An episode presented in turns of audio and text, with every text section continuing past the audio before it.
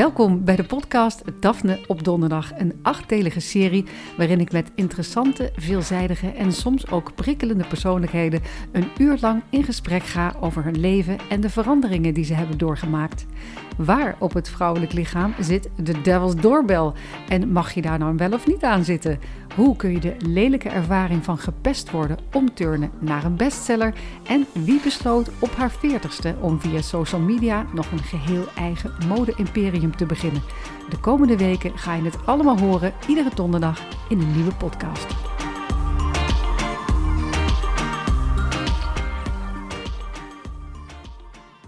Welkom bij de podcast Daphne op donderdag. Ik ben Daphne Dekkers en vandaag is bij mij te gast een vrouw die alom wordt gezien als een van de drie grote thrillerschrijvers van Nederland. Maar ze schrijft ook zeer succesvolle historische romans en jeugdboeken. Heeft 3 miljoen boeken verkocht. Is winnaar van de NS Publieksprijs 25 jaar schrijver en officier in de orde van Oranje Nassau. Welkom in mijn schrijfhuisje, Simone van der Vlucht. Dankjewel. Wat leuk dat je er bent. Ja, dankjewel. Jij bent uh, de eerste gast Ja. van, uh, van de nieuwe reeks. Ja, ik ben vereerd. Nou, wat gezellig. Ja, ik, ik, heb, ik heb me hier echt heel erg op verheugd. En um, ik ben tegenwoordig ook verstaanbaar, want ik heb dit natuurlijk allemaal zelf uh, geknutseld. En ik ben gewoon in mijn schrijfhuisje begonnen met deze podcast. Ja. Maar ik kreeg wel eens het commentaar van, ja, jouw stem is een beetje zacht vergeleken met de stem van je gasten. Oh, oké. Okay. En toen uh, heb ik uh, iemand gevraagd uh, die er verstand van heeft om zich erin te verdiepen. En wat bleek nou? Mijn microfoon stond verkeerd om. Dat zou mij dus ook kunnen overkomen. Het schijnt een voorkant en een achterkant ja, ja, ja. hebben. Maar omdat hij dus hierin zit, in die houder, heb ik dat even gemist, zeg maar. Dus uh, vandaar dus... dat ik niet altijd even goed verstaanbaar was. Maar in deze maar tweede nu editie... schreeuw je straks al je gasten. oh ja, dat zou ook nog kunnen. Dus dat, laten we dat dan vooral uh, niet ja. doen.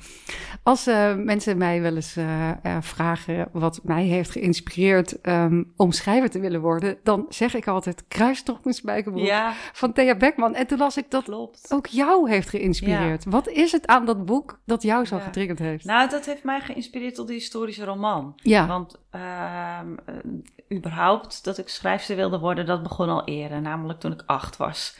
Ik heb mijn oudste schrijfseltjes zijn ook echt van dat ik acht jaar oud was. Met een omslagje en een flaptekstje Ja. en dan vier volgeschreven paginaatjes. Oh, dat deed ik ook. Dubbelvouwen, nietjes erin, Ja, je eigen boekjes maken. Ja, mijn eigen boekjes maken.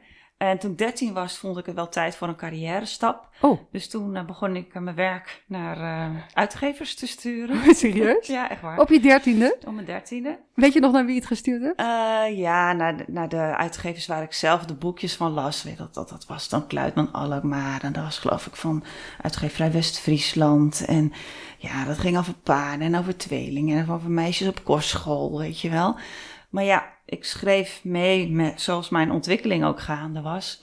Dus uh, op een gegeven moment, uh, toen uh, las ik een boek van Thea Beckman. Toen was ik veertien, een historische roman. En ik weet nog, mijn vader die gaf me dat boek. Hij zei, nou, dit moet je nou gaan lezen. En ik kijk naar het omslag en ik zag allemaal van die morsige kindertjes. En ik denk, nou, ik denk dat Die kan... liepen door de... Ja, ik denk dat kan niks zijn. Ik denk, ik wil gewoon weer een boek over paarden. Maar hij zegt, ik verhoog je zakgeld als je het gaat lezen. Oh. Dus ik denk, oké. Okay. Dus ik ging het boek lezen en na één bladzijde over die, over die tijdmachine was ik verkocht. En het is gewoon met afstand het mooiste boek wat ik in mijn jeugd gelezen heb. Ja. En toen dacht ik, dat wil ik ook gaan doen. Oh ja? Historische verhalen vertellen. Toen sloeg ja. de bliksem bij je. Ja, en niet gehinderd door enige historische kennis begon ik meteen. en welk, welk tijdvak had je meteen gekozen? Ja, 17e eeuw. Oh, natuurlijk. Het ging over heksenvervolging, over een meisje die uh, paranormale gaven had. En daardoor uh, ja, moest vluchten om niet op de brandstapel terecht te komen. Dat begon je op die leeftijd al ja, mee? op mijn veertiende. Zodra ik kruistocht uit had, ging ik ook zoiets schrijven. Maar toch is het wel leuk dat, dat je bent dan zeg maar niet gehinderd door, door enige, ja hoe zeg je dat, terughoudendheid. Het is toch Nee. wel echt, de, die, die spark, die zit dan in Ja, jou. Daar ben je ja, eigenlijk mee geboren. Dat, ja, dat moest en zou gebeuren. Ja. Ja. ja, En ik heb mijn hele middelbare schooltijd lang alles wat ik schreef opgestuurd. En daar zat ook een thriller bij, er zat ook een liefdesroman bij en alles. Dat, als ik nu alles zo op, naast elkaar leg, dan zie ik de ontwikkeling natuurlijk heel duidelijk. En uh, alleen toen kreeg ik steeds maar afwijzing en dacht ik, het wordt nooit wat. Ja, maar je was gewoon nog een puber. Ja, maar ik was bloedserieus. En uh, ik dacht dat het hartstikke goed was. ik vind het echt... Maar waar haalde je dat zelfvertrouwen vandaan? Ja, omdat ik het zelf zo leuk vond. Ja. En dat is eigenlijk nog steeds mijn maatstaf. Ehm, gelukkig kan ik die nu, heb ik een beter kompas nu dan. dan Weet je, dat zelfvertrouwen is nu ook best wel... Ja. Ja. Ja, het is meer op zijn plaats. Ja. Maar toen ik ja, een jaar of 18 was, begreep ik natuurlijk wel dat het allemaal niet zo gemakkelijk ging. Maar ja, toen ik jonger was, heb je gewoon zo'n kinderlijk enthousiasme. Dat je denkt, dat kan ik wel. Ja. Weet je wel? En als het nog niet goed is, nou dan, nou, dan doen we nog wel dingetjes over. En, Ja, maar ik eh, hou wel van die Pipi Langkous filosofie ja. van... Ik heb het nog nooit gedaan, dus ik denk wel dat ik het kan. Ja, Weet je? Ja. En, en dat is dus blijkbaar ook iets eh, wat jouw ouders gestimuleerd hebben. Dat je vader zei, ik verhoog je zakgeld als je het uitleest. Want je vader, die vermoedde hield- waarschijnlijk al dat jij eh, dat leuk zou gaan vinden. Ja, nou, hij hield heel erg van lezen, net als ik. En we gingen samen altijd naar de bibliotheek. Ook Ja. toen ik nog niet lezen kon, zat ik in zo'n bak met prentenboekjes. En dan Ja. op zaterdagochtend naar de biep. En ja, dat bleven we doen. Dus hij begeleidde me ook wel naar de kasten met ander soort boeken. En eh, dus ja, hij stuurde mij wel een beetje. Ik moet wel zeggen, die bibliotheek, daar heb ik zulke goede herinneringen aan Ja. als kind. Ik woonde in een dorp, en, eh, in het kleinste dorp van Nederland. Maar die bibliotheek, die lag dan een dorp verderop. En ik ging daar dan op de fiets naartoe. En voor mij was het een soort schatkist. Ja, precies. Al die boeken, al die verhalen. En dan, ik zie mezelf nog door de polder naar huis fietsen met die boeken achterop. Ja. En ik was daar zo door geïnspireerd. En, en soms heb ik wel eens het gevoel dat de jeugd van nu... Weet je, ik voel me af en toe zo oud dat ik dan zeg... Ja, de jongeren Ja. van nu. Maar dat er is zoveel Netflix, er is zoveel online... er is zoveel andere dingen te beleven... dat zij gaan niet meer Nee, niet. naar een biep. Da- Daarom vind ik het zo leuk dat veel van Ja. jongeren nu Engelstalig lezen... en toch ergens die spark weer Ja, eh, gevonden klopt. hebben. Maar ik denk ook dat je met een bepaalde belangstelling ook geboren wordt. En, want er zijn nog steeds jongeren die heel graag lezen. En vroeger, ja, van mijn vriendinnen waren er ook niet zo heel veel die lazen hoor. Dat, was echt, dat is ook gewoon wel echt een, een hobby. Ja, En eh, ik, ik ken mensen die zeiden van ja, ik heb mijn kinderen ook heel veel voorgelezen. En daarom lezen ze nu zo graag. Nou, ik heb mezelf bewusteloos voorgelezen. ik heb op weg naar vakantie naar Italië heb ik omgedraaid op, op de, eh, naar de achterbank. Ik heb er nu nog nekpijn van. dat is heb echt ik, dat is ambitie als je heb ik dat doet. die spijkerbroek aan mijn twee eh, pubers eh, voorgelezen. Want je dacht, nu gaat het gebeuren. Nu gaan zij ook. Ja, en... maar ja, we redden het net niet het hele boek uit, want af en toe was ik ook wel eens moe. En ik denk, nou, dan gaan ze het boek zelf wel uitlezen, maar ze hebben nooit geweten hoe het afliep. En dus ja, weet je, aan mijn inzet lag het niet. Maar toch hebben ze nooit echt die liefde voor boeken ontwikkeld. Terwijl maar mijn nichtjes, die vlakbij mij wonen, eigenlijk al van nature was het gewoon boeken, boeken. ja. Dus je kan sturen en doen. Maar ik denk dat je er ook gewoon mee geboren wordt. En net als op ballet gaan of voetbal. Het is gewoon een liefhebberij. ja. En je houdt ook van letters en van woorden. En Ja, van... en je hebt het of niet. Dus ik weet niet of kinderen nu zoveel minder lezen. Er zijn natuurlijk wel meer... eh, ja, er is weer in de aanbieding om, om ze natuurlijk eh, te amuseren. Maar als een kind echt niet van lezen houdt... Mijn broer, die, die las geen letter. En als die zich verveelde, ging hij klieren, weet je wel. Dan ging hij niet lezen. Dus ja, Nou, er zijn natuurlijk heel veel discussies de laatste tijd. eh, ook eh, tijdens de kinderboekenweek weer. Van hoe krijgen we kinderen aan het lezen? En hoe stimuleren we dat? En er was een groot ingezonden stuk in de Volkskrant. Dat zo'n leraar zei van we moeten kinderen meer zelf laten schrijven. Want ze voelen een beetje afstand tot, tot de elitaire schrijvers van een boek. En ze moeten zelf het gevoel krijgen. Maar ja, ik denk ja, sommige Moet kinderen vinden dat leuk. Ja. Bedoel, Jij en ik vonden dat leuk als kind. Zelf boekjes Ja. maken. En weet je, dus dat, er wordt dan alsmaar gezocht van hoe krijgen we het lezen weer leuk. Maar jij hebt zoiets van, je vindt het leuk of niet? Ja, precies. En eh, we, we vinden dat belangrijk omdat we weten dat lezen gewoon zo goed voor je is. Hè? Voor, je, voor je woordenschat, voor je uitdrukkingsvaardigheid, voor, voor kennis van de wereld en allerlei zaken. We weten dat het goed voor je is. Maar als dat allemaal niet zo was, dan zouden we ons niet zo ontzettend inspannen daarvoor. Dus En het, ver- het verruimt ook je wereld. En eh, ja, toevallig las ik ook een artikel over dat er steeds meer boeken worden verboden in Amerika, vooral in de Republikeinse Staten. En dan, dan denk je van jeetje, die, die kinderen komen dan nooit in, in aanraking met iets wat anders is dan wat ze zelf geloven, of iets wat anders is dan hoe ze zelf leven. En boeken zijn juist een soort van deur naar hele andere werelden en, en ja maar, andere ook, maar opvattingen. ook niet.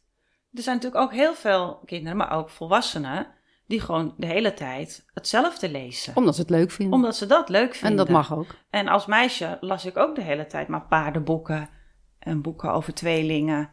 En, uh, was Meisjes op kostschool. Ja, ja die boeken allemaal. Ja. allemaal. En ik keek niet verder. En toen ik ze allemaal uit had, stond ik een beetje radeloos in die biep van ja, nou, geen idee.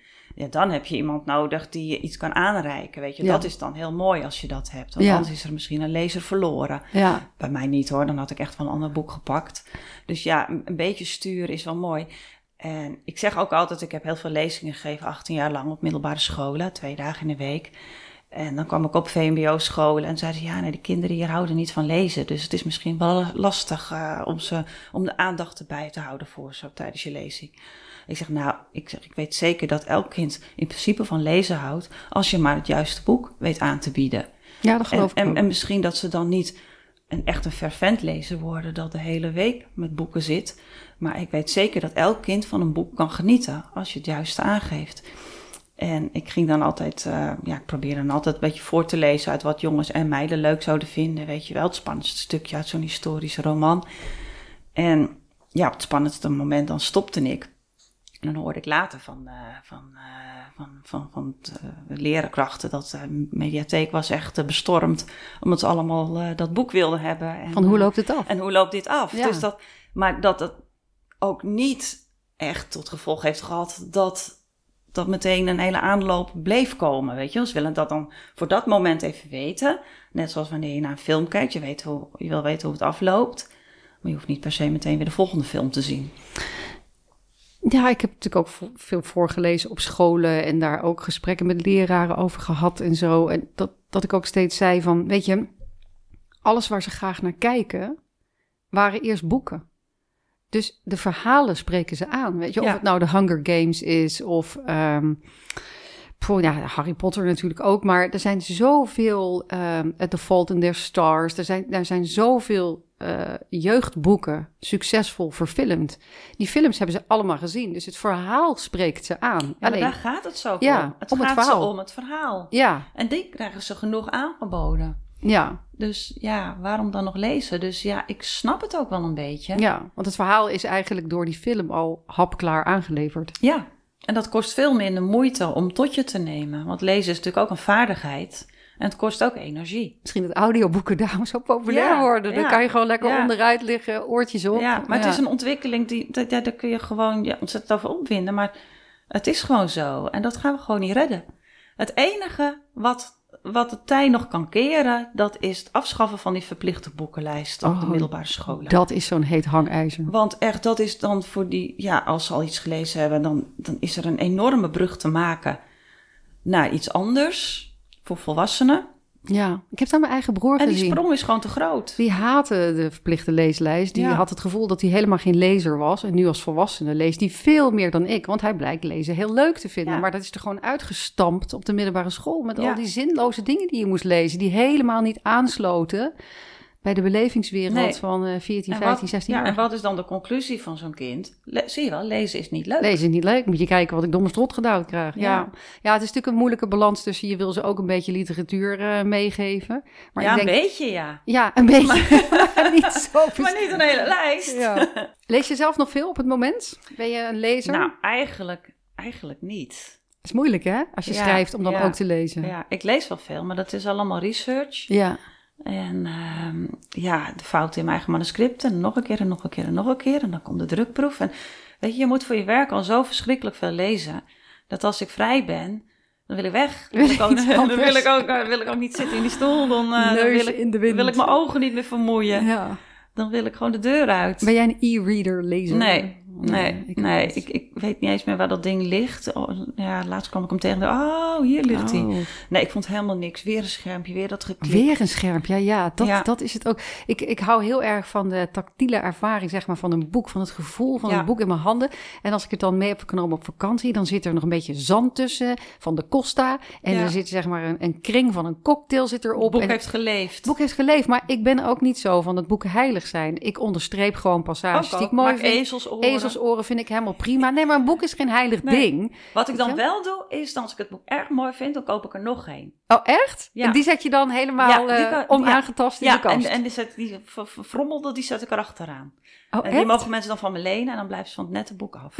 Echt waar? Ja. Nee, dat heb ik niet. Ja, dat... Mij zijn ze allemaal verfrommeld. Maar het zijn er maar een paar hoor, dat, waar die ik dubbel heb. Ik heb echt zoveel boekenkasten thuis. En dan, ik Ja. zie bij mensen thuis bijna geen boekenkasten meer. Nee. Terwijl ik het heel leuk vind staan. Ja. Al die boekenkasten. Ja. Alright. Ehm, jij ging eh, eh, Nederlands en Frans studeren aan de leraaropleiding in Amsterdam eh, ooit. Zat daar ook iets van creatief schrijven bij? Bij die, Ja. die opleiding je hebt gedaan? Ja, dat vond ik natuurlijk superleuk. Ja. En ik heb die verhalen ook bewaard. En eh, toen, als ik dat nu bekijk, dan staat er overal bij van... Ik denk dat jij schrijfster gaat worden, weet je Oh wel. ja? Dus ja, Ja. waarschijnlijk heb ik die ambitie ook wel gedeeld. Maar ehm, ja, nee, dat, eh, dat was zeker mijn doel. En eh, die studie Nederlands was ook gericht op mijn toekomst als, als schrijfster. Maar dat was een tweevaksopleiding, dus er moest nog wat bij. Ik had natuurlijk geschiedenis moeten nemen op dat moment. Maar ik wist toen nog niet dat ik geschiedenis zo leuk zou vinden. Ja. En ik zat ook een beetje te kijken van, nou, stel je voor dat het nou allemaal mislukt en ik kom wel in het onderwijs terecht. Wat zijn dan de vakken waar ik ook wat aan heb?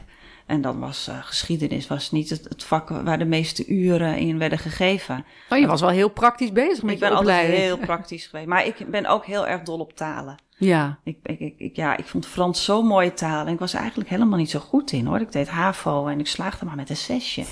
Je kan het toch mooi vinden? Ja. hoeft er niet super goed in te Nou, zijn. de MAVO was ik, dan had ik nog wel goede cijfers, maar daarna ging het niveau omhoog.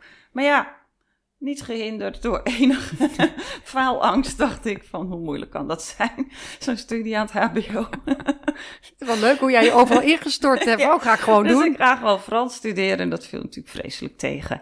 Want eh, ik, ja, ik, ik kreeg op de HAVO natuurlijk gewoon alles gewoon maar in de praktijk. En, of eh, theoretisch. En je, je, je had nooit spreekvaardigheid of zo. Ach, maar dat Frans op de middelbare school, dat was ook allemaal papa fume une piep en zo. dat maar je wij doet het nooit meer iets mee. Wij hoefden het ook nooit te spreken. En dan met je mondeling moest je dat opeens wel. Ja, waar- Dus toen had ik maar een zes. En voor de rest had ik wel hoge cijfers voor andere eh, onderdelen van het Frans.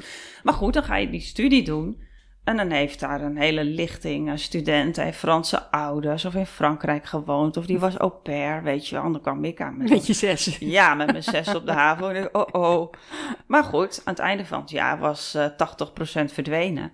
En eh, ja, die leraren zeiden tegen mij van, eh, ja, die, die hielpen me eigenlijk ook niet zo met mijn studie. Want die gingen ervan uit dat ik ook wel zou afhaken. En ze investeerden dan gewoon in een heel groot deel van de leerlingen, niet eens zo heel erg. Maar ik bleef. En eh, het tweede jaar verwachten ze nog steeds dat ik zou afhaken. Want ik moest elk examen moest ik wel vijf keer opnieuw doen. Volgens mij ben je wel iemand dat als je ergens je zinnen op hebt gezet, dan, dan Ja. uiteindelijk gebeurt dat ook. Ja, ik had iets, ik heb voor deze studie gekozen en dan doe ik er maar wat langer over. Ik zal hem afmaken ook. Ja, gewoon met doorzettingsvermogen heb ik gewoon die studie afgemaakt. En de rest deed er vier jaar over en ik zes jaar. Maar eh, Hey, halen is halen, ik had hem wel. Denk je, En daarna heb ik er dus nooit wat mee gedaan. lang verhaal kort, ik ging niet Nooit in het onderwijs. Ik ging niet in het onderwijs. maar je had het wel. Ja. Denk jij ehm, dat je kan leren schrijven? Ik denk dat je ehm, een aantal technieken je eigen kan maken. Want je hebt natuurlijk een toneelschool hè, waar je kan Ja. leren acteren. Je hebt een conservatorium. Maar over schrijven wordt vaak een beetje elitair gedaan. Alsof dat iets is, een soort divine intervention... wat op een dag op je nederdaalt. Ja, nee, het is gewoon... Misschien moet je wel talent hebben. Ja, Maar je- volgens mij kan je het toch echt wel leren. Je kan het bijschaven. Waar ik heb leren schrijven, want ik ben natuurlijk grotendeels ook autodidact. Er waren toen nog eigenlijk geen schrijfopleidingen. Mhm. En dus ik keek heel erg af eh, in boeken die ik las. Hoe beginnen schrijvers een hoofdstuk en hoe eindigen ze die? Hoe bouwen ze een dialoog op? Waarom vind ik deze dialoog?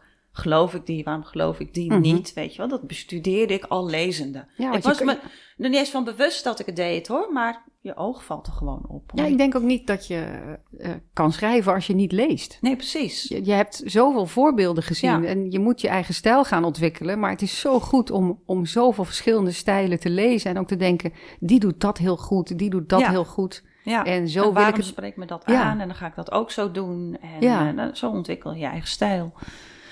Dus, ehm jeetje, waar waren we nou? We gingen nou vertellen, want we gaan van links naar rechts. Wat was de vraag? Jij hebt dat plaatje. ik, heb, ik heb het blaadje met de vraag. Nou, ik heb ook wel eens, eh, omdat ik natuurlijk heel veel columns eh, schrijf, dan, eh, dan sturen mensen mij columns op die graag columnist willen worden. En dan vragen ze wat ik ervan vind. Maar dat doe ik ook niet meer. Nee. Want als ik dan die column uit elkaar ging halen en ging zeggen van nou, ik zou dit omdraaien, ik zou dat weglaten, dit moet je nooit meer doen. Hier moet je meer van doen. Ik zou hiermee beginnen en dan daarmee eindigen. En dan was ik echt dat ik dacht van nou, hier hebben ze wat aan. Ja, En toen kreeg ik ook gewoon mails terug van... ja, nee, maar uh, je hebt zoveel veranderd... en ik ga mijn stijl niet veranderen. Ja, dat, dat en, precies. En ik wil graag mijn eigen ding blijven doen. Ik denk van, maar waarom vraag, je het me dan? waarom vraag je het ja, me dan? Waarom zit je dan op een cursus? Eigenlijk ja, willen ze dan alleen die bevestiging dat ze geweldig zijn... en dat ik het meteen naar mijn uitgever ga brengen. Dat was eigenlijk een beetje Ik denk dat dat er wel een beetje achter zit. Ja. Van, ik ga hier ontdekt uh, worden. Ja, ja. Hey, uh, over ontdekt worden gesproken. Je hebt die studie gedaan, nooit meer wat op Frans gedaan... maar toen ging je ook nog werken bij een bank. Ja. Als ik me jou voorstel bij een bank, met jouw creatieve wat deed je bij een bank? Ja, nou ja, ik had gewoon een baan nodig. Ja, en, uh, zo simpel is het natuurlijk ook. Ja, ja, precies. Ik was afgestudeerd. Ik denk, nou, ik vond lesgeven vond ik ook niet erg je van het. was best wel lastig uh, om orde. Je bent zelf nog heel jong als je van die opleiding komt. Nou, ik dan wat ouder natuurlijk al. Iets langer over gedaan. ja. Maar uh, ja, je moet orde houden en er komt veel op je af. En ik denk, nou, dat ga ik niet doen hoor. Weet je, ik, ik ga gewoon een normale baan zoeken. Dus ik ging naar uitzendbureau en die hadden toen gewoon ja, iets secretarieels bij de Credit Lyonnais. En uh, nou, ze dacht dat ik heel goed Frans sprak, dus ik kreeg die Daar gaan we weer. dus ik kreeg die baan, dus ik heb me daar met heel veel bluff doorheen. Helaas. Maar je bent wel altijd blijven schrijven.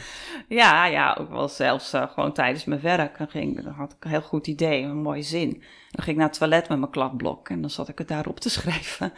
Het was gewoon onontkoombaar. Het was onontkoombaar. En het was precies in de periode dat, uh, nou ja, op, uh, op de werkvloer waren al computers. Maar uh, Jan met de pet had ze nog niet. Ik had ze ook nog niet. Maar ik dacht wel meteen, want ik schreef op zo'n elektrische schrijfmachine. Oh, dat heb ik ook nog ja, ja. ja. Dacht ik, oh, maar dat is handig. Want dan hoef ik niet alles weer opnieuw te typen steeds als ik iets verander. Ja. Ik moet dat gewoon op een computer. Maar ja, die had ik natuurlijk niet. Dus toen zei ik tegen mijn baas, mag ik dan na mijn werk nog een uurtje hier blijven en dan uh, hier aan mijn boek werken? Nou, dat was goed. En dan had ik zo'n floppy. En, uh, oh. Ja, ja en die doos had ik worden bij me. Maar ja, bij, ik woonde toen in Amsterdam-West en uh, in een benedenwoning. En boven me zat een jongen, die zat in de IT. En die had nog wel een computertje voor me staan dat ik mocht hebben. Dus uh, nou, ik met, dat, uh, met die rammelbak. Uh, en zo is het begonnen. Gang. En zo is het begonnen. Zo is het begonnen. Ja, Je ja. eerste boek was Het Amulet. Ja. dat ging ook over de heksenvervolging. Ja. Was dat eigenlijk voortbordurend op het idee wat je eigenlijk al had als tiener? Ja, ja, inderdaad. Oh. Ik wilde al inderdaad dat zeggen. Want dat idee van mijn veertiende over die heksenvervolging... dat bleef mij toch ook wel fascineren, die periode. Ja. En uh, tijdens mijn studie dacht ik... als ik nou zo eens klaar ben met studeren... dan, uh, dan ga ik dat boek opnieuw schrijven. Ja. En dan ga ik er eerst heel veel onderzoek naar doen. Want ik had intussen ook historische letterkunde gekregen. En want je maakt met die studie allerlei uitstapjes ook naar andere vakken. Ja. Dus ook veel geschiedenis en heel veel oudere teksten. En ik merkte dat ik dat erg leuk vond. Dus ik denk, dan ga ik echt goed uh, geschiedenisonderzoek doen en uh, mijn inleving, nou, inleven, studeren op de 17e eeuw. Maar je liep wel een beetje voor de troepen uit, want de heksenvervolging en alles over heksen nu met Suzanne Smit Ja. en de succesvolle boeken die ze daarover geschreven dat, dat, dat deed jij toen al. Ja, ja. Dat vond, vond je toen al een interessant ja. onderwerp. Nou, Thea Beckman had er ook een uh, boek Ja, over dat geschreven. En die had je ook gelezen. Die had ik ook gelezen. ja, dat is dus dat waar. was niet helemaal toevallig. En uh, dus ik was uh, ja, afgestudeerd en uh, ja, het, het, was voor mij een goed baantje om, om gewoon ook aan mijn boek te werken, want dat was het hogere doel. Ja. En na een jaar was het boek af. En nou, ik was goed bevriend met uh, het hoofd van de postkamer. En ik zeg van, uh, ja, ik heb een boek geschreven. En dan wist hij, hij zag me altijd bezig. Hij zegt, dat moet naar uitgevers. En uh, hij zegt, nou, dus geef maar. Dus hij heeft er eventjes zes gekopieerd voor me.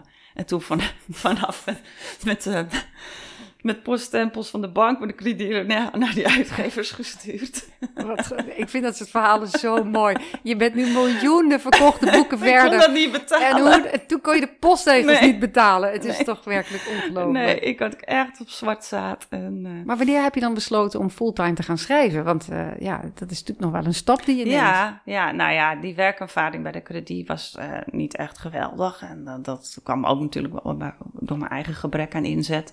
Maar ook omdat er een hele negatieve jup-cultuur heerste waar ik helemaal niet in paste. En ik had ook nog de moed om in verwachting te raken. En, uh, en toen er ook nog eens een tijdje tussenuit uh, te zijn. Dat je helemaal met scheve ogen bekend. Ja, en toen kwam ik terug en toen was eigenlijk mijn kostje gekocht. Toen uh, was er een hele roddelcircuit tegen me opgestart. En toen ben ik daar eigenlijk, niet ik had een vaste baan, een beetje weggepest. Weet Oh. je wel, dan heb ik nog een jaar gezeten. En op een gegeven moment had ik een huidaandoening. En die zat echt, uh, nou, het begon bij mijn neus en dat ging helemaal zo. Mijn mond. Van de stress? Van de stress, ja. Jeetje. Van het stelselmatig getreiterd worden, gewoon eruit gewerkt worden. Maar wat kunnen volwassenen, bedoel, bij pesten denk je altijd aan middelbare scholen, maar volwassenen die kunnen er ook wat van. Dat was heel heftig. En wat er uh, gebeurd is, dat heb ik dus uh, later in de reunie beschreven. En uh, tien jaar later. Ik wist, ik ga daar nog wel eens wat mee doen, maar het moest eerst landen. Nou, ik ben toen lid geworden van de vakbond en die hebben mij heel goed beschermd. Dus ik kwam met wachtgeld thuis te zitten en hij was helemaal van het padje. En ik weet je wat, ik begin gewoon ehm, want ik had nog steeds geen antwoord van die uitgevers op de amulet.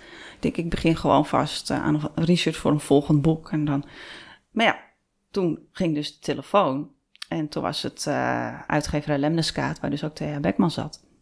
En die wilde graag met me praten over het manuscript wat ik had ingestuurd. Ja, maar dat is toch een droom? Dat is toch een nou, droom dat je je hele kindertijd gedroomd hebt van Thea Beckman aan haar ja, uitgeverij? Ja, en die afspraak was twee weken later pas. Nou, hele lange weken. En ik dacht echt dat ik daar meteen een boekcontract kreeg en zo. En, uh, je denkt, nu komt de champagne. Nu, nu komt het allemaal, weet je wel. En ik zat er zo in de uitgever en de redacteur. Mijn redacteur was Monique Posma. Daar kom ik zo op terug. En die uh, zeiden, ja, nee, ja, het is een heel leuk boek. En uh, ja, ehm, tien hoofdstukken, goed opgebouwd. We vinden de eerste twee hoofdstukken goed. En ik, oh. ja, en, en die andere? nou, die moesten eruit. Want daar werd eigenlijk meer een volwassenenboek en dit en dat. En het was natuurlijk een jeugdboek. En dan zie je dat je bij een jeugdboekuitgeverij zit. En ik liet dat meisje volwassen worden in mijn boek. Dat was niet de bedoeling. Oh, dat was niet de bedoeling. Ze moest die leeftijd blijven. Ja, precies. Dus, en nou, maar ik kreeg ook ontzettend veel goede, ja, schrijftips mee. Waarvan ik dacht van, ja, Nee, natuurlijk moet dat zo. Waarom heb ik dat niet zelf kunnen bedenken, weet je wel? Maar dat is die feedback waar je echt dingen aan hebt, weet je. Maar die je ook moet accepteren. Ja. Je moet accepteren ook dat je iets kan leren en jezelf kan verbeteren natuurlijk. Ja, ze zeiden bijvoorbeeld tegen me van... Ja, we zien de hoofdpersoon Nina wel lopen, maar we lopen niet met haar mee. En ik snapte onmiddellijk wat, wat ze bedoelde en wat ze miste. Ja. En vanaf dat moment uh, ben ik me eigen gaan maken om altijd alles vanuit het perspectief van je hoofdpersoon te doen. Elke gedachte, elk gevoel. En niet uh, te veel samenvattend te schrijven. Alleen daar waar nodig. Dat is natuurlijk echt precisiewerk. Maar dat heb ik daar heel goed geleerd. En ik werd onder hoede genomen van, uh, van uh, Monique Posma. Die heeft mij echt het schrijversvak geleerd. En elk boek was eigenlijk gewoon een soort helle gang van, van ja, een zware opleiding. Want ik kreeg dat boek echt gewoon twintig keer terug. En elke keer was het, ja, nee, is echt heel erg veel verbeterd. Hartstikke goed weer dat opgelost. Maar? Maar, en dan was er weer wat anders. Dan komt de hakbel weer. Ja, dus... Ja, maar uh, toch daar doorheen gaan, ja. dat, dat, dat scherpt je potlood, weet je. Dat, ja. dat maakt je toch een betere schrijver. Ja, maar ik, werd, ja, ik was wel eens wanhopig, want ik dacht van, oh, is het nou weer niet goed? Maar aan de andere kant besefte ik meteen dat ze ontzettend gelijk had. En toen dacht ik van, ja, maar dan, dan wordt het echt wel heel veel beter als ik dat doe. En dat was natuurlijk het doel. En al die kennis neem je weer mee naar het volgende boek. En dan ja. doe je ook nog steeds diezelfde dingen wel fout, maar je wordt er wel steeds beter in. Ja. En, uh, wat, ja. Mij, wat mij heel erg opvalt um, aan jou en aan je schrijven is, je, je zei net, uh, je wist nog niet of ze het amulet wilden, maar je was toch maar vast begonnen met een nieuw boek. Dat is jouw tempo. Ja, ik ben daar iedereen. echt wel een beetje jaloers op, dat enorme tempo. Door, je hebt het laatste punt van de ene thriller nog niet gezet, of je duikt alweer in de geschiedenis van een volgende historisch roman. Je hebt 40 boeken geschreven. Ja, meer. In, meer, sorry hoor. In 25 jaar tijd. Hoe ben jij zo efficiënt? Hoe doe je Ben jij nooit leeg? Nee. Nee, zegt ze. Nee. Ik heb geen leven, denk ik. Je hebt geen leven. Nou ja, ik zat net naar jou te luisteren dat je zei dat je dus, geen baan. Dat je dus als hallo. Ja, dit is dat je, dit is mijn baan. Nee, maar als kind schreef je dus ook het ene na het andere ja, boekje. naast dus, mijn huiswerk. Ja. ja, dus je hebt toch wel een enorme drive om verhalen te vertellen. Dat is het dan. Ik vind het gewoon zo leuk. En het zuigt mij ook wel eens leeg. En dan denk ik, ik moet rustiger aandoen, want ik ben al maar aan het schrijven, maar ik vind het zo leuk om te doen. En als ik zie dat het ene boek bijna um, de laatste pagina nadert, dan ben ik al blij. Want dan denk ik, yes, yes, yes, kan ik aan het volgende Nee, hou op. Als, ja. als ik met mijn laatste pagina ik... bezig ben, denk ik, ik ga een half jaar naar een klooster in Tibet. Ik ga ja. niks doen. Maar jij ja. hebt meteen zoiets van, Ja, maar ik ga research, door. hè? Dan, want ik ja, research ook. is ook superleuk om ja, te doen. dat is wel heel leuk. En, Maar eh, wat een tempo. Hoeveel ja. boeken heb je dan nu eh, ja, gepubliceerd? ik denk 45. of zo. 45 in Ja. 25 jaar tijd. Ik wil niet eens uitrekenen Nee. wat voor tempo dat is. Maar er zitten ook wat van de dunnere titels bij. oh, Dus, gelukkig. eh, er zitten ook dus, dunnere titels dus bij. dan zit je denk ik op 40 dikke. Ja, je put is all to shame gewoon. Niemand heeft dat, die output die jij hebt. Nee, het is, ja, ik snap het zelf ook niet helemaal. Maar zit je nooit zonder creativiteit? Jij Nee. weet altijd van, mijn volgende boek is dit, het boek daarna is dat. Nou, ik heb gewoon een heel drie tot vier jaren plan. Dat heb ik altijd gehad en dat heb ik nu ook. Dus het is zelfs zo dat ik op research kan gaan voor een boek. Dat ik over een jaar of drie pas ga schrijven. Maar dan zijn we er toch toevallig net in de beurt. En, eh, Kan je die kerk ook nog wel even nou meenemen? ja, zoals in januari. Wij, wij zouden dan, dat weet je, eh, een tijd in Spanje gaan zitten. In Ja. Marbella. En we gingen dan in januari weg, toen we hier nog in lockdown zaten. En ehm, toen zei ik tegen Wim, mijn man, van ja, we gaan wel naar, naar Zuid-Spanje. Maar eigenlijk ga ik natuurlijk over een jaar of twee, drie nog dat ene boek schrijven. En eh, ja, was ook leuk geweest als we naar Portugal gingen. Want het moet dus naar Lissabon. en dan zegt Wim, want die voelde de bui wel hangen. Nou, dan rijden we toch even om. Rijden we toch even door. Het is niet Ja, zo ver vanuit dan rijden we even om. Dus we zijn ietsje eerder vertrokken. En dan rijden we eerst naar eh, Lissabon samen. En daar gaan we dan eh, dat onderzoek doen. Maar jouw hele leven hangt aan elkaar van verhalen. Vakanties, uitstapjes, alles. Ook met vriendinnen zeg ik van... joh, ik moet daar en daarin voor een boek. En dan ja, wordt de horeca natuurlijk ook uitgebreid. Oh, ook test. bezocht. ja, precies. Het is niet alleen werk. Maar, je, je Maar schrijft- ja, het is verweven met mijn hele le- Ja. leven. En jij dan- bent je boeken. Ja, en het is natuurlijk ook dat ik er al vrij snel ook ehm, een beetje van kon leven. In het begin natuurlijk niet. Dan is het wel handig als je nog een echtgenoot hebt die ook wat inbrengt. Maar ehm, door die lezingen op die middelbare scholen had ik al snel iets dat ik, ja, ik kan hiervan bestaan. Ik hoef niet in het onderwijs. Ik, dit, dit kan mijn werk zijn. Ja. En ehm, toen schreef ik de reunie. Nou, dat was natuurlijk een grote bestseller. En die maakte mij eigenlijk financieel onafhankelijk.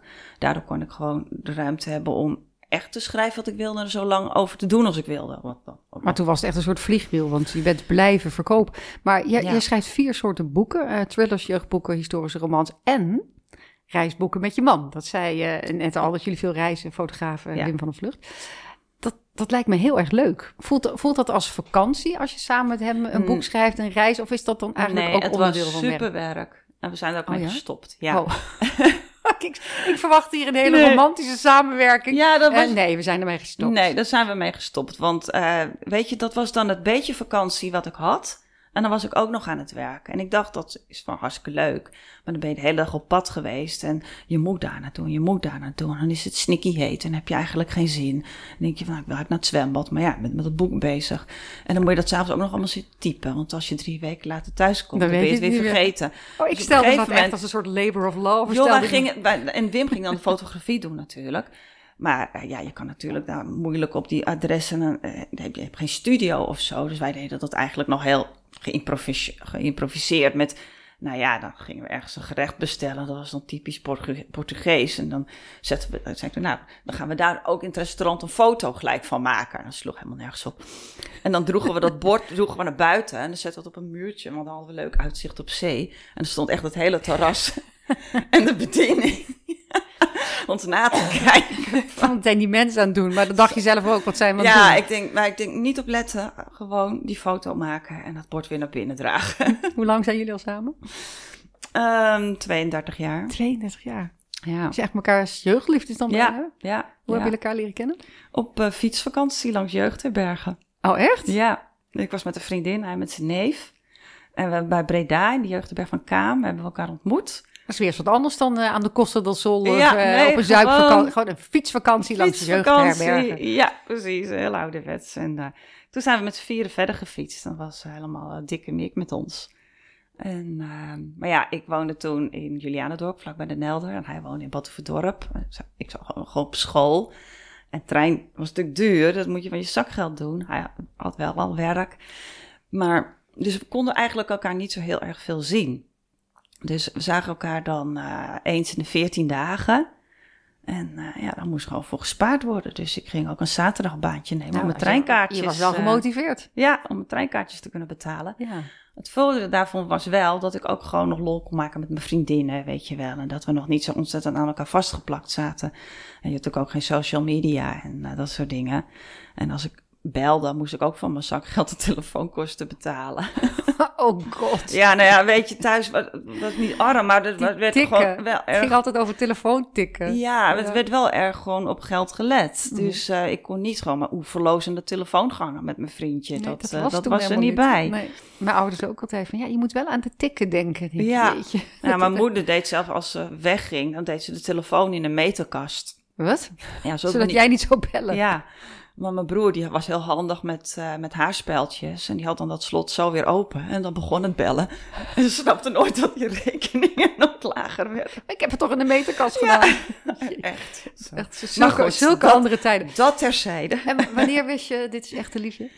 Ehm, nou, rond mijn twintigste eh, wist ik het wel. Toen moest ik wel echt een definitieve keus maken. En, want toen- tussendoor was ik ook nog wel eens verliefd op een ander. En eh, niets mee gedaan, maar dat gebeurde wel. En toen moest ik echt keus maken. En toen hebben we echt voor elkaar gekozen. En ehm, ja, toen eh, zijn we gaan samenwonen in, eh, in Amsterdam-West, in Oud-West. Nou, tientallen jaren later, eh, jullie leven staat natuurlijk, eh, of niet jullie leven, maar jouw leven heel erg in het teken van boeken en veel Ja. boeken. En ik ben bij jou thuis geweest, eh, rijen boeken van jou eh, langs in de kasten. Praten jullie nou ook over je werk of je boek? Of heeft Wim ook af van, nou, nu even niet. Even ergens anders over hebben. nee, ik praat er heel veel over. Omdat we natuurlijk ook samen die research gaan doen. Dus ik vertel wel van wat we dan gaan doen. Want dat maakt het wel leuker voor hem ook. Ja, een beetje weet waar we, nou, waar we naartoe gaan, weet je nou wel. weer, ja. precies. Waardoor hij ook gewoon... eh, ja, hij heeft ook heel veel daardoor geleerd over geschiedenis, zegt hij. Maar ook over de Nederlandse taal. Want als ik dan... eh, ja, ik zit 's morgens in de krant ook vaak fouten aan te strepen en zo. Echt waar? Je stuurt het toch niet op, hè? Nee, maar ja, er, er ligt toch een pen en dan zeg, geef ik daar een nijdige kras door als er staat besef me of zo, weet je wel. Dat, eh, en dan moet hij dan om lachen en dan zet hij weer zo'n lachsmiley erachter. En eh, zo kom je... Ben, ben je heel precies met taal? Dat je echt in de krant... eh, Nou, niet andersom, maar soms dat hij moet dan de krant nog lezen. Dus dat ik daar zo'n vinnige haal doorheen en dan vindt hij dat grappig, snap je? Ik vind het ook wel heel grappig. Zou ik even de krant open doen, kijken Ja. wat ik nu weer met mijn rode pen aan kan vinken. Ja. hey, laten we eens beginnen bij je thrillers. Jij, ehm, jij staat bekend eh, om jouw heel goed in elkaar gezette plots. Hoe begin je aan zo'n plot? Want ik heb bijvoorbeeld een keer gelezen, ik, ik lees graag de boeken van eh, Stephen King, al vind ik de een beter dan de ander. Maar wat ik zo fijn vind aan Stephen King is dat hij zijn mensen zo ongelooflijk echt maakt.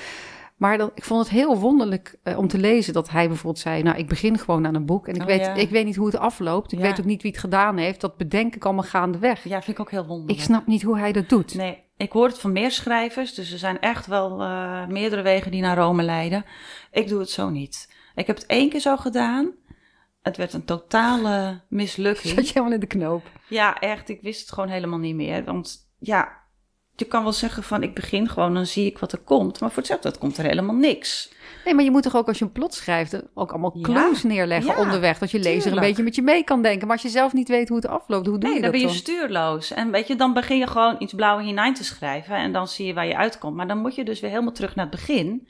Want dan moet je bijna alles over gaan doen. Want dan klopt het. Heel veel dialogen kloppen niet meer. En dan eh, heeft Pietje of Marietje dat gezegd. Maar dan heeft hij dan al iets verraden. Of dat is nog van je oude plot. Dus dat moet er weer uit. Dus dat wordt een warboel. Ja, dus Dat zo doe jij het niet. Hoe Zo- doe je het wel? Nou, dat is dus niet efficiënt. Ik ben dus gewoon heel efficiënt. echt efficiënt Ja. met alles volgens mij. Ik denk, ik ga toch niet dat hele boek drie keer zitten schrijven. Dat, want dat is wel wat je dan gaat zitten doen. Aha. Plus dat er aan het eind dan nog heel veel van die losse foutjes in zitten die je over het hoofd hebt gezien. Maar begin jij zeg maar met het eind van je plot? Ja. Van ik wil een boek dat zo afloopt en dan Ja. werk je terug naar voren? Ja, ja ik bedenk eerst het plot. En, eh, want sowieso vind ik het belangrijk dat een thriller een goed plot heeft.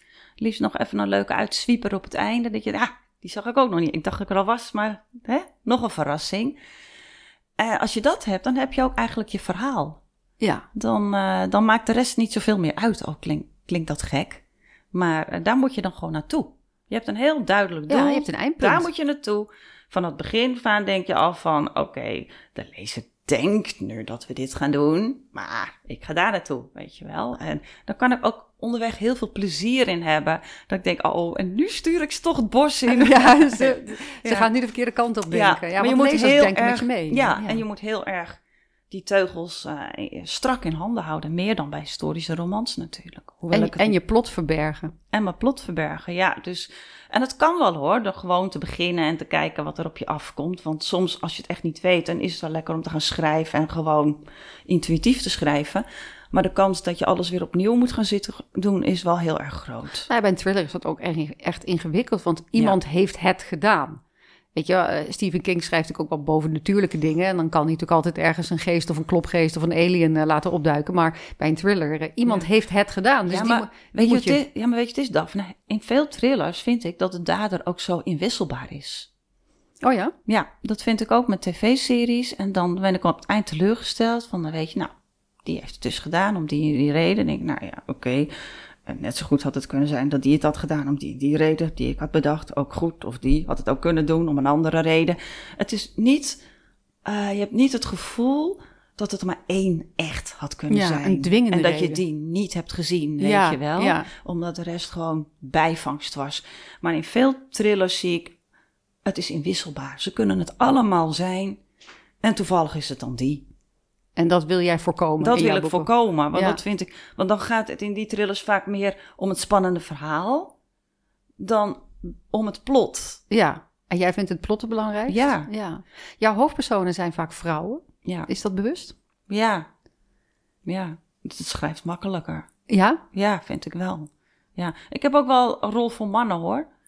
Maar ehm, Je hebt ook wel eens een mannelijke hoofdpersoon Ja, ja, ja. gehad. En wat is dan het verschil als je hoofdpersoon een man of een vrouw is? je moet toch een slag extra maken om vanuit een man te schrijven. Je- ja, met- bij vrouwen schrijf ik gewoon vanuit mezelf. Dat, Het voelt natuurlijker. Ja, dat voelt natuurlijker. Daar hoef ik niet zo erg over na te denken. Terwijl bij mannen zit toch vaak ze een beetje te bestuderen, weet je wel. Vreemde diersoort. Ja, van, nou, doen alles anders. hoe reageren ze daar dan op? Hoe verhouden ze zich tot elkaar? Het is net even anders. Ja. Ja. Ehm, waarom denk jij dat zoveel vrouwen succesvolle thrillerschrijvers zijn? Tot chagrijn van een heleboel mannelijke thrillerschrijvers. Omdat zo'n 15 jaar geleden er ook niks was. Of heel weinig. Geschreven door vrouwen. In Nederland in ieder geval wel. Het, eh, dus het was gewoon een gat wat open lag. Ja, het was een gat in de markt. En eh, ja, het genre werd gedomineerd door, eh, door mannen. En ehm, de onderwerpen van die boeken waren toch veel drugs, overvallen, eh, uit vliegtuigen springen, eh, weet je wel, harde actie. De James Bond variant Ja, van de thriller. ja. En vrouwen schrijven anders soort thrillers? Ja, ja, ja, er zijn natuurlijk ook wel gewoon harde actie, maar over het algemeen, ja. En ik denk dat wat vrouwen spannend vinden, wat mannen spannend vinden, heel erg eh, verschilt. Ja, dat ligt nog wel eens uit elkaar. Ja, Ja, precies. Ik bedoel, een man die zal, denk ik, als hij s'avonds laat een parkeergarage inloopt en niet zo heel erg snel bang zijn. Maar ik voel me nooit op mijn gemak s'avonds laat eh, in, een- helemaal in mijn eentje in een parkeergarage en ik hoor iets. Ja, want ik, nu je dat zegt, eh, moet ik dus aan denken. eh, ik, ik heb een keer een interview met jou gelezen. ehm, eh, waarin je zei dat eh, veel van jouw thrillerboeken eh, zijn ingegeven door je eigen angsten. Ja, En die noemde je de, ehm, de universele angsten van de vrouw. ja, Wat, wat zijn die universele angsten? Dat is dus bijvoorbeeld Ja. in een donkere parkeergarage. ja. Angst voor mannen. Angst voor mannen. Ja. Ja. Ja, vrouwen zijn natuurlijk toch eh, vaak de mindere in, als het in een confrontatie aankomt. Nou, mijn dochter moest laatst eh, vrij laat met de trein eh, nog naar haar, vriend toe. En die, dan zou ze daar dan om half twaalf, of kwart voor twaalf op dat station aankomen. En dan moest ze nog met de fiets. En ik denk dan meteen, hm, het is Ja, wel donker, dat. het is wel laat. Terwijl mijn zoon zou er volgens mij helemaal niet over nadenken. Nee, precies. Als vrouw voel je toch altijd iets Ja. Achter je of zo. Ja. Als het donker is of als je alleen is. Ja, en daar krijg je dus ook andere boeken van. Ik heb zelfs, ik, eh, als ik met mijn hond wandel, dan op een gegeven moment neem ik zo'n zijpad. En dat, val, dat voert dan een beetje door een beetje eenzaam stukje natuur. Waarvan ik denk, ja, het is wel lekker lopen daar, mijn hond kan los. Maar het is wel heel erg rustig. Weet je wel? Voel ik me niet op mijn gemak. Maar ik loop er wel. Maar wat ik dan doe, is mijn huissleutel uit mijn zak halen. Met, met, dan pak ik de sleutel met de scherpste punt. Ja, dat is echt typisch zo'n vrouw die met, met die en sleutel denk loopt. ik, ja, en ik heb eens gehoord dus dat heel veel vrouwen dat doen. Ja. Want je kan er toch nog een lekkere haal mee eh, uitdelen. Ja. ja, vrouwen hebben toch staan, ervaren de maatschappij anders. Ja, En daar komen natuurlijk ook andere thrillers uit. En De angst om an- ja. verkracht te worden. Ja. De angst als moeder dat je kind iets Precies. overkomt. En, en dan, dan van daaruit ja veel Schrijf jij- huiselijk geweld. eh, ja, dat is, het zijn hele andere onderwerpen. Het zijn andere onderwerpen, ja. Ja. en dat was er niet. En eh 15 jaar geleden, toen, ehm, nou, ik schreef dus de hele tijd ehm, historische romans voor jeugd, maar ik wilde op een gegeven moment graag historische romans voor volwassenen gaan schrijven, want ik moest altijd, ik kom zo weer terug bij de thrillers hoor, maar ik moest altijd rekening houden met, met mijn jonge doelgroep, terwijl ik zelf ook ouder werd en meer van mezelf in mijn werk wilde leggen. Dus ik maak, zette er een oudere hoofdpersoon naast en een kind, weet je, nou, dat, daar kwam ik nog een tijdje mee weg. Maar op een gegeven moment dacht ik, ja nee, ik moet gewoon wat anders gaan doen, want ik wil nu voor volwassenen dit gaan doen. Mhm. Dus ik begon met ehm, een historische roman en dat schreef ik, eh, of dat stuurde ik naar de uitgeverijen toe en die stuurden het allemaal weer terug. En die zeiden, ja, het is echt wel een mooie roman, maar er is geen markt voor de historische roman. Ik zei, nee, ik zeg, het is een gat in de markt, want het is er niet. Het is er nog niet. Nee. Ja. Maar goed, ze wilden niet. En intussen had ik ook een idee gekregen voor een thriller. Waar die vandaan komt, God me had weten, maar hij was er opeens. Het is bij, bij jou volgens mij een soort lopende band aan steeds ja, nou, ik wist het wel. Ik wist dat ik iets wilde gaan schrijven met die ervaringen toen bij de Credit Lyonnais. Want die waren heel heftig. Ik heb zelf ook niet altijd, was ook niet de ideale werknemer altijd. Maar wat me daar is gebeurd was wel echt heel heftig. Ja, want ik, ik heb begrepen dat jij een keer verteld hebt, eh, en je zei trouwens eh, eerder ook, dat de reunie het boek is waar het meest van jou in Ja. zit. En toen ik dat interview met jou las waar dat in stond, vroeg die interviewer helemaal niet door Nee. van waarom dan? Waarom dan? Dus ik denk, nou, als jij hier vandaag Ja. zit, dan wil ik toch. Ja, maar je hebt al een beetje laten vallen. Want de reunie ehm, gaat toch eh, ook over het verdringen van traumatische Ja. gebeurtenissen, Ja. concurrentiestrijd tussen Ja. collega's. En Maar dat- pesten op school. Pesten op school, maar dat komt dus van de bank. Ja, dat pest op school heb ik ook meegemaakt, de eerste twee jaar van de middelbare school. En eh, bij de bank zag ik dat die patronen zich herhaalden. Dat ik daar op dezelfde manier mee omging, op dezelfde manier reageerde. En dat vond, maar dat zag ik pas later, toen ik het verwerkt had. En ik denk, dat is wel interessant. Ik zeg, ik denk, daar wil ik nog eens wat mee doen. Ik heb het geprobeerd in een jeugdboek te krijgen, maar dat, dat lukt om de een of andere manier niet. Ik denk, nee, dit, dit moet een andere vorm. En ik zag die vorm nog niet. En toen las ik ehm, het eerste boek van Nicky French. En toen denk ik, ja, dat is de vorm. Het moet een thriller worden. En, eh, maar niet een platte actietriller, maar een psychologische thriller.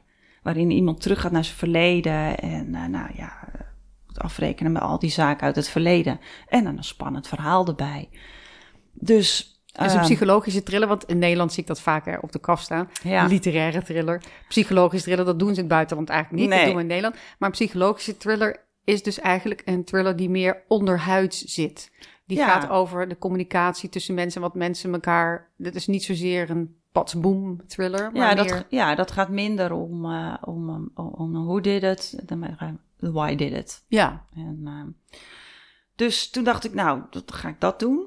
En toen eh, zei Wim van, nou, zou je dat wel doen? Zegt hij, je kan ook gewoon natuurlijk weer een nieuw eh, jeugdboek schrijven. Want dan weten we zeker dat er gewoon weer eh, boter op het brood is. ja, je bent gewoon heel jaar met zo'n boek bezig. En het is de historische roman wilden ze ook al niet. Die, die lag ook maar eh, werkloos in de kast. En dan moest ook wel weer brood op de plank komen. Ik zeg, nou ja, ik zeg, ik ga hem gewoon op vakantie schrijven. En nou, daar heb ik veel langer over gedaan. Maar toch heb ik hem in een paar maanden geschreven, want het knalde eruit. Het zat ook vrij hoog, denk Ja. ik ook. Ja. En eh, toen ben ik dat boek op gaan sturen. En nou, die eerste zes uitgevers hebben het dus gewoon weer afgewezen. Echt? Ik ja. kan me gewoon niet voorstellen nu hoe succesvol Ja. je bent dat mensen Ja, jouw werk Ja, afwezen. nee, van alle grote uitgeverijen heb ik hem teruggekregen. Dus dat vind ik ook wel voor als er beginnende schrijvers of aspirantschrijvers of iedereen die denkt dat hij wil gaan schrijven, wees vooral, Ja, weet je wel, volhardend. Want Ja. afgewezen worden hoort er zelfs voor jou dus bij. precies. Ja. En ehm, ja, ik denk dat ze mij ook wel zagen als de jeugdboekenschrijfster. Dat het misschien tegen me werkte, ik weet het niet. Maar in ieder geval, dat lag nog bij Ambo Antos. En eigenlijk wilde ik daar het liefst komen. En daar schreef ook Nicky French. En intussen hadden ze daar ook de eerste van Saskia Noord. Ik denk dat is wel het straatje waar het in past. Maar ja, ja die namen zo godsgruwelijk de tijd. Dat ik dacht, nou, drie kwart jaar van ja, jongens. en toen, we, toen wilde een andere uitgeverij het wel hebben. Toen heb ik Ambo Antos eh, gemaild van, nou ja, ik heb een uitgever gevonden. Maar eigenlijk wil ik bij jullie. Dus eh, zeg het maar. Donderdag heb ik die afspraak met die uitgever. Nou, en uh, dat was op vrijdagmiddag dat ik dat schreef. En uh, maandagochtend ging de telefoon van... we hebben het dit weekend gelezen, vinden het geweldig. Kun je maandagmiddag komen? En uh, daar was mijn boekcontract. Dus, oh, en de rest wow. is En de rest is history. is history, ja. ja. Maar ja, Jeetje. goed, dat was dus Trilla. En dat was natuurlijk een enorm groot succes. En ik had een contract ges, getekend voor drie thrillers. En die had ik ook wel echt in mijn hoofd, prima. Maar toen kwam het vierde boek. En toen kwam ik weer met die historische roman aanzetten. Daar heb je haar weer. ja, en toen, uh, nou, ik schreef wel een andere, maar die vond ik beter. En toen was het wel eventjes van, ja, nou ja, weet je, dat weten we eigenlijk niet. En uh, nou, dat, nou ja, goed, dan ging ze dan proberen.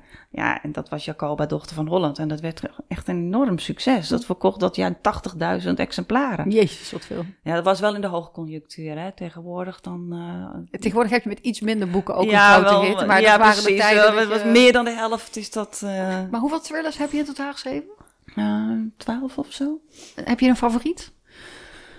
Um, nou ja, De Reunie is natuurlijk mijn meest persoonlijke boek. Ja. Maar ik denk qua verhaal, hoe alles prachtig in elkaar viel uh, op klaarlichte dag. Waar, waar ik ook de, en, uh, ja, ja, ja, Dat, dat boek klopte helemaal. Dat, daar heb ik zo van zitten genieten tijdens het schrijven. Oh ja? ja. Dus je dacht ook, zet ze op het verkeerde been. Ja, en nog was, een keer. Ja, en nog ja, een keer. en nog een keer. en uh, hier is de uitsmijter. Ja, dat was heerlijk. Soms stond, schrijft een boek zich helemaal vanzelf, zeg gelijk maar. Ja, sommige boeken heb je echt dan, dan denk je, ja, niet om het een of ander, maar deze is echt wel gewoon goed ja, gelukt. Ja, ja, deze is wel goed gelukt. Vind jij, uh, wat je zegt, het uh, NS Publieksprijs, uh, vind jij um, het winnen van prijzen belangrijk? ja. ja, eigenlijk wel. Het is wel fijn. Het is wel is fijn. Het is het belangrijk voor je lezers, voor een grotere doelgroep? Of? Um, ja, ook. Want dat werkt promotie in de hand. En je krijgt erkenning, dat is leuk voor je. Ik bedoel, als je nooit iets wint, je, ja, weet je, denk je toch, wat doe ik verkeerd? Ja, ook dus, een keer genomineerd worden. Ja, precies. Is er een prijs die je nog wil winnen? Ik zou gewoon wel überhaupt wel eens een prijs willen winnen. Maar ik heb een andere afslag genomen. Ik heb het trillenpad een beetje verlaten. En ik ben me meer op de historische roman gaan richten. En daar zijn geen prijzen voor. Zijn er geen prijzen voor? Nee, ja, wel de NS Publieksprijs. Maar zo goed doen ze het dan ook weer niet. Weet je, daar kom ik dan qua verkoop niet voor in aanmerking. Maar dat is mijn keus, omdat ik dat een leuker genre vind. Dus ja, dat ik, snap ik. Maar ik, ik begrijp... Dat, ja, ik zit nu net na te denken... dat ik, je hebt een, een kanon van de Nederlandse misdaadliteratuur. Ja. En, en toch heb je wel eens gezegd... is dat, dat de thriller uh, een soort stiefkind is van de, van de boeken. Nou, ja, er wordt door de, door de literaire wereld altijd een beetje op neergekeken. Dat wel, maar daar heb ik zelf nooit zo heel erg veel last van gehad. Want het is gewoon de keuze die je maakt voor een bepaald genre. En als je daar je in thuis voelt, dan is dat toch prima. Soms lijkt het wel dat als... Uh, kijk, de Nederlandse lezer leest heel graag thrillers. Ja. Er, wordt, er verschijnen er heel veel. Als iets succesvol is, dan kan het dus geen literatuur zijn of zo. Ja, is dat ja, een beetje de vibe waar het in zit? Ik heb me heel, in die hele discussie over of het literair is of niet... heb me nooit zo druk gemaakt. Want ik denk van, ja, nee, het, het is ook helemaal geen literatuur. Ik heb helemaal niet de ambitie om literatuur te schrijven. Als mensen maar het graag lezen, ik, ben je Ik kan het ook helemaal niet. Ik schrijf dit dit is het. En het is een thriller. En je hebt slechte thrillers. En je hebt thrillers met een wat meer literaire inslag. En de een ja, voldoet daar meer aan. Over mijn eigen boek heb ik het nu dan de ander. Maar dit is wat het is. En ik zie literaire thriller ook als een bijvoeglijk naamwoord. Hè? Literaire thriller. Het is een bijvoeglijk naamwoord van thriller. Er staat niet, dit is literatuur met een hoofdletter. het is een soort thriller. Ja. Dus ja, nou ja, weet je, dat etiketjes plakken de hele tijd. Als mensen het graag lezen, als mensen uit een boek halen, wat ik vind ook dat iedere lezer zelf moet vinden wat hij uit een boek haalt. Ja, maar weet je wat het is? Uh, wat literair is, dat het algemeen zijn er een paar punten waar een boek dan aan, vo aan moet voldoen. Hè. Het moet goed geschreven zijn, er moeten psychologische kenmerken zijn, je moet wat van leren. De held nadenken, moet ook stemmen. Een, een, een, een, ontwikkeling doormaken. Precies, er zijn allerlei dingen. Maar moet je daar dan allemaal aan voldoen? Of stel, stel dat er vijf zijn, of als je dan drie voldoet, is het dan ook goed. En als die andere twee ontbreken, dan. En wie het dus... bepaalt dat? Ja, en wie bepaalt ja, dat dan? Waar ja. zit die jury? Ja, precies. Dus het is een discussie waar je niet uitkomt en waar ik me op een gegeven moment ook niet meer druk over heb gemaakt. Nee. Het is gewoon natuurlijk ook gewoon een, een marketingding. Ja, maar het is ook een beetje een, een, kunstmatige discussie. Als mensen het graag lezen en je verkoopt miljoenen boeken, dan raak je de goede snaar. Ja. Weet je wel? En wat daar precies voor stempel op zit, prima. Want jij hebt dus op een gegeven moment besloten, eh, ik ga historische roman schrijven. Dat was dus als kind eigenlijk al je grote liefde. Nou, inmiddels verkoop je het in heel Ja. veel verschillende landen. Je, ze zijn ja, een groot succes ook internationaal. Ehm eh, jouw historische romans, je begon net al eh, te vertellen dat het zijn... Je hebt er twee verschillende uitgeverijen voor. Eentje voor thrillers en eentje voor... Want dat kan niet samen. Het kan wel samen, dat is zo gelopen. Ja. Toen werd het stil. Oké, nee, ik snap, je zit, zit nog een beetje in een ander verhaal, maar dat, dat Ja. parkeren we gewoon even. Is het trouwens belangrijk als schrijver dat je bij een goede uitgeverij zit? Ja, natuurlijk. Je, kan niet zomaar bij iedere uitgeverij. Nee, je moet je, wat, je moet je ook echt thuis voelen daar. Ja. Je, je, je levert daar je kinderen in. Mhm. En dat- je wil dat daar goed voor gezorgd wordt. Zo is het gewoon. Want als En, mensen eh, nu zitten te luisteren, denk ik van, nou, ik wil ook graag dat mijn boek, maar hoe kom ik bij een goede uitgeverij? Hoe kom je daar terecht? Nou ja, je moet goed kijken naar wat je zelf schrijft en waar dat boek het beste zou passen. Dus welke boeken lees jij graag en waar denk je dat jouw boek dan bij aansluit? Nou, ga na- naar die uitgeverij. Grote kans dat die zich dan ook in een jaar herkent. Ja, ik vind het ook wel eh, op een hele positieve manier ambitieus dat jij zegt van, nou, daar zat Nicky French. En Ja. ik vind dat ik daar thuis hoor. Daar zat Thea Beckman, dus Ja. daar stuur ik het heen. Ja, en die je? herkenning was er ook. En daar werd ik ook inderdaad uitgegeven. Die, die herkende mijn werk ook. Dus je moet ook wel een beetje durf hebben als schrijver. Dat je gewoon vertrouwen hebt in wat je maakt. Ja, ja, ja. En, en, en iemand zeg maar van, van jouw statuur die zoveel boeken heeft verkocht, zou je je boeken zelf uit kunnen geven? Ik heb er wel over nagedacht. Ja, en ik ben ook heel dichtbij geweest. Eigenlijk was er alleen nog een handtekening onder een contract voor Zo, nodig. Was je ver? Ik was heel ver, ja. En wat heb je tegengehouden? Ehm, ik kreeg toch op het gegeven moment koudwatervrees. Want ik dacht, ja, ik heb nu alle tijd om te schrijven, om er research te doen. Ehm, alles gaat in die boeken. Ik lever de content. Maar straks ben ik ook directeur van een uitgeverij. En moet ik me ook met allerlei andere dingen bezig. Distributie bijvoorbeeld? Ja, vormgeving, alles. En natuurlijk, kun je alle mensen, daar kun je alle mensen voor inhuren. Maar eigenlijk heb je bij een uitgeverij één solide bouwwerk waar alles gewoon in huis is. En daarna ga je alles verdelen over losse tentjes. En er hoeft maar één tentje uit te vallen en je hebt een probleem. En dan ben je dus de hele tijd bezig problemen op te lossen. Het begon al meteen dat diegene die de promotie zou doen, eh, in verwachting was en daarna voor de tweede keer in verwachting. Nou, bij mij ging dat allemaal niet zo van een lijn dakje, die bevallingen. Ik denk, als die er een tijdje uit is, wie gaat dan mijn promotie straks doen? Dan moet ik als een gek weer iemand anders zoeken. Maar dan word je ook een soort ondernemer, word je dan. Je wordt een ondernemer en daar gaat heel veel tijd in zitten. En ik ben behoorlijk perfectionistisch, dus ik weet niet of ik heel goed dingen los kan laten. Terwijl ik het nu eigenlijk bij die uitgeverij, heb ik het allemaal al. Ja, Ja, dus- daar betaal je iemand met royalties voor. Maar ze doen ook veel voor je. Ja, dus ik denk, ik kan beter iets aan die royalties doen dan aan... eh, Ik ga me eens even op die royalty kant storten. Ja, dat moet je echt wel goed onderhandelen, hè, royalties. ja, Dat is echt wel iets eh, Ja. waar je je poot stijf eh, moet Ja, houden. Ja, precies. Ook daar ben je goed in. Ik heb zoveel van jou geleerd. Ik heb zoveel van jou geleerd. dat was een ander gesprek. Dat was een heel ander gesprek, ja. Hey, de historische roman. Ja, hoe, hoe gaat dat? Hoe, want als ik... ehm, je hebt de 80-jarige oorlog gedaan. Je, eh, Jacoba van Beieren, Jan Pietson Koen, de Gouden Eeuw, de Tweede Wereldoorlog. Er is eigenlijk geen geschiedenis die ja. jou niet interesseert. Nee, je, ja. je hebt niet een speciaal tijdvak. eh jou interesseert. Je, hebt- je, je- een soort schot hagel. Je ziet Nee, overal nee, een verhaal nee, in. Ik, zit, ik zal niet zo heel gauw... eh, ja, ik heb met voor jeugd wel, heb ik Romeinse tijd gedaan, maar dat is wel erg ver weg. Dat is wel echt lastig. En er valt niet zoveel te onderzoeken. Ik vind dat onderzoek ook zo leuk. Ik vind het zo leuk om ergens te lopen en denk, oh, hier heeft hij ook gelopen, hier heeft hij gestaan, weet je wel. ja, ja, ja, Wij zijn natuurlijk samen nog op pad geweest voor Floris de Vijfde. Ja, en we moeten eh, ook nog naar Pompeii. ja, we moeten ook nog naar we Pompeii. een eh, gezamenlijke liefde voor Pompeii. Daar heb Ja. natuurlijk ook al een boek over Ja, geschreven. dan, dan komt er misschien toch wel een boek over die tijd. Dus nee, dat, ja, ik heb wel een voorliefde voor de 16e en de 17e eeuw. En, maar dat komt omdat er daar nog wel veel van terug te vinden is. En dat is gewoon heel leuk. Maar ja, goed, ik ben dus nu met Floris de Vijfde, dus 13e eeuw bezig. En is ook hartstikke leuk. Maar ga je dan eh, specifiek op zoek naar onvertelde verhalen? Of ga je op zoek naar een, een andere invalshoek? Ja, hoe werkt dat? Wat triggert jou dat je denkt, deze vrouw...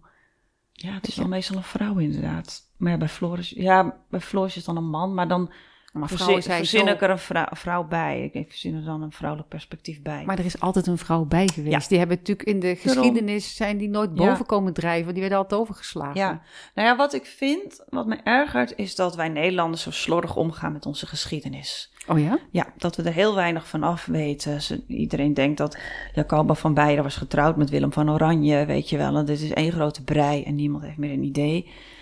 En ehm, ja, in het buitenland heb je in de, in de boekhandels aparte kasten, wanden vol met historische romans. Oh ja?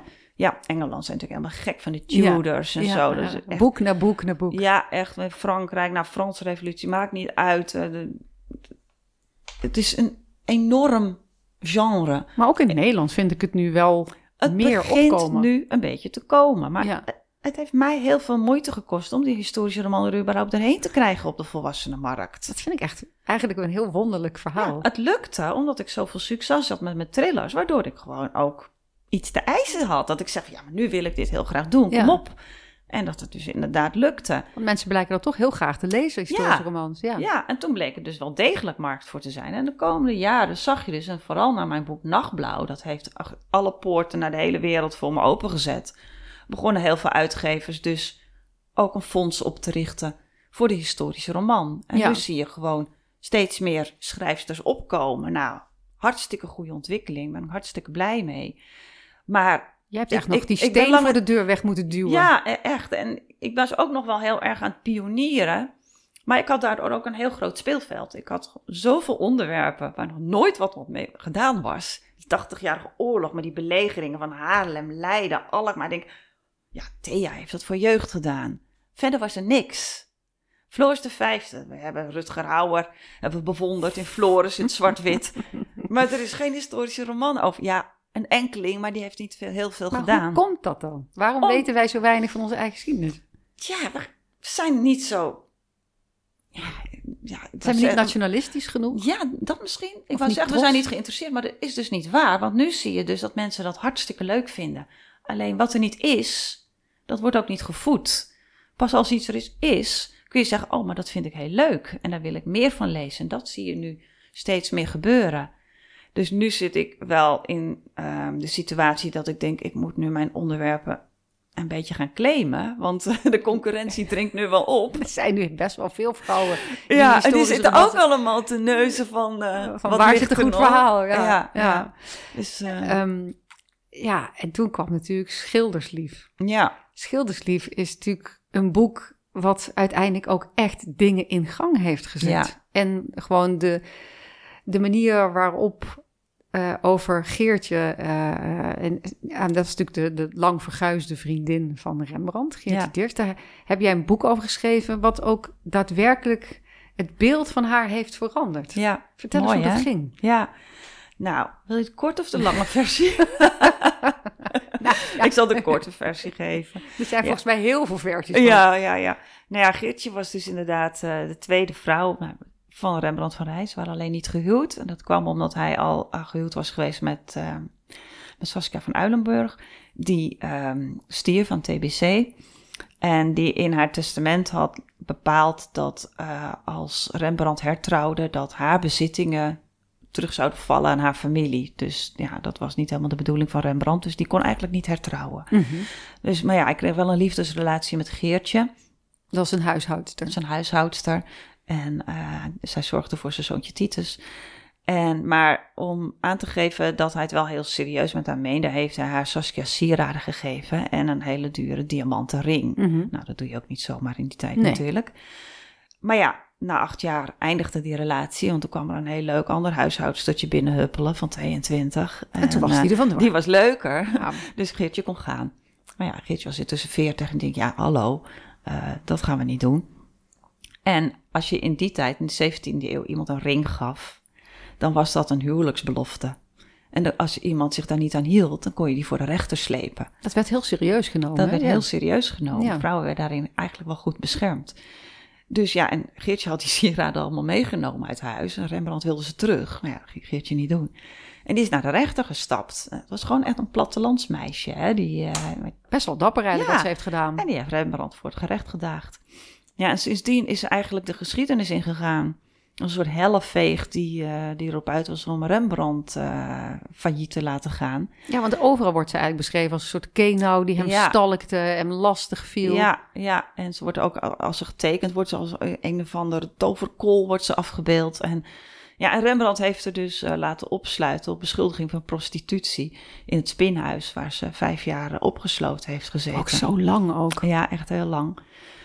En toen in de 19e eeuw, dus dat is de eeuw van het nationalisme, hè, toen werden er overal in Nederland standbeelden opgericht voor Jan Pieters en Koen Rembrandt. En toen kwam er een soort bewustwording van onze geschiedenis.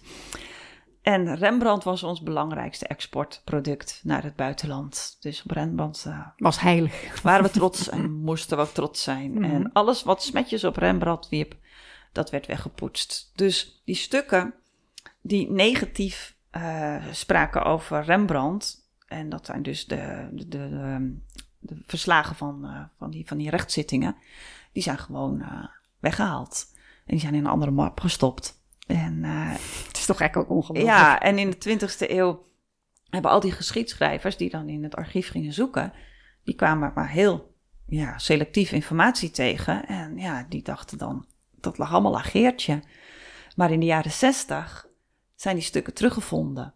En toen was het hele plaatje compleet. Maar dan zie je het interessante gebeuren dat de geschiedschrijving eigenlijk er nog steeds niet aan wil. En dat een heleboel historici nog steeds slecht over Geertje bleef praten. En uh, Rembrandt op het schild bleven hijsen. Want je hebt wel wat pushback gekregen ook, hè? Ja, dat, dat mensen niet zo blij waren in de musea dat jij zomaar dit over Rembrandt durfde te zeggen. Ja, Terwijl het stond zwart op wit. Het stond zwart op wit. Dus om mezelf daar ook tegen te beschermen, heb ik achterin het boek die uh, al die de belangrijkste testamenten, of testamenten, uh, weet het? Um, Bewijzen allemaal. Ja, ja. heb ik um, laten afdrukken, zodat mensen het gewoon zelf kunnen lezen. Ja. En je bent ook een hashtag begonnen, Team Geertje. Ja, Team Geertje, ja. Maar ja, daardoor heb ik nu wel be, be, uh, bereikt dat uh, het boek gewoon in het Rembrandthuis ligt... en dat er ook meer aandacht aan Geertje Dirks besteed gaat worden... terwijl ze eerst haar hele naam nergens viel. Dus dat is wel heel mooi. Ja, ik vind het echt ongelooflijk dat je dat met een boek voor elkaar hebt gekregen. Want dat is toch eigenlijk een stukje geschiedsvervalsing. Ja. Toen natuurlijk is Rembrandt een van onze ja, nationale helden. Maar dat wil niet zeggen dat, dat het het hoeft geen engel te zijn geweest. Nee, precies. Met zijn maakt het alleen maar interessant. Ja, dus dan wordt het alleen maar een echt mens. Ja, maar ja, we leven natuurlijk nu in een cancelcultuur. Dus ik snap wel dat uh, musea daar bezorgd over waren. En uh, dat ze dat niet willen. Maar hebben ze jou ook persoonlijk benaderd om te klagen over... wat ben je nou toch weer aan het schrijven? Um, nou, het was meer dat, uh, dat in tv-programma's... ze mij wel wilden uitnodigen om daarover te praten... Maar dan moest er iemand tegenover zitten dat die allemaal niet wilde komen. En uh, ja, weet je, of dat je schreef van. Um, ja, ik heb dat boek geschreven. Willen jullie het lezen? Willen jullie meer aandacht aan Geertje besteden? En dat je gewoon nooit antwoord kreeg. Weet je, dat werd gewoon genegeerd, zoals Geertje ook genegeerd werd. Ik denk, werd ik ook genegeerd.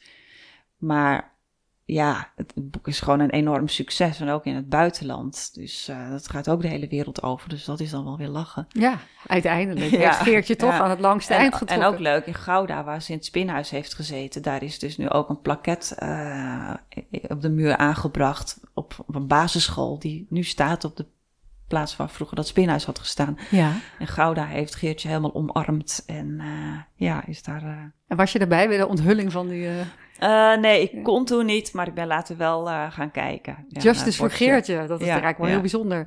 Droom je nou wel eens over, uh, over je boeken of over je hoofdpersonen? Blijven ze bij je als je, als je slaapt? Ehm, nou, de hoofdpersonen die echt hebben bestaan, die blijven altijd wel een beetje bij me. Omdat, ja, ze hebben gewoon echt bestaan, weet je wel. En als we nu zo weer over Geertje praten, dan voel ik ook weer het plezier waarmee ik dat boek heb geschreven. Maar ook de verontwaardiging als ik merkte dat ik werd tegengewerkt en zo, dat ik bepaalde documenten niet in handen kreeg. Of, uh... maar ik zie je, er zit er nu nog ja. je zit tegenover me nog steeds helemaal te stralen. Ja, maar dat, komt, dat is gewoon zo mooi van schrijven. Het is heel leuk om een verhaal te verzinnen, maar om dingen aan te kaarten of recht te zetten, dat, dat is eigenlijk, en dat heb je niet met alle boeken. Nee. Dat kan niet met alle boeken. En ik dacht ook daarna van, zal ik daarna weer even gloedvol kunnen schrijven over een ander onderwerp? En gelukkig kan dat wel. Maar ja, sommige boeken zijn daardoor wel speciaal. Ja, het was gewoon een voltreffer, weet je. Ja. Dat was gewoon een stukje geschiedsvervalsing... wat jij eh, gewoon eh, eigenhandig hebt teruggedraaid... Tot een plaquette aan toe, weet je. Dat is toch eigenlijk... Ja, dat is heel mooi dat je dat eh, kan bereiken. Ja. Zo. Maar ik hou zelf ook heel erg van, eh, van, van oude plekken waar veel geschiedenis is geweest. Ik was een paar weken geleden met Richard in Venetië en dan zijn we daar in dat paleis van de Dogen en dan loop ik daar rond en daar is dan ook die gevangenis en ik, ik weet niet, ik voel op die plekken altijd zoveel. Misschien is het mijn fantasie die volledig met me op de, hoofd, op de loop Ja. gaat, maar heb je dat ook? Dat je, Nou, Dat- ik voel niks. En dat vind ik eigenlijk wel jammer. Ik zou dat eigenlijk wel willen.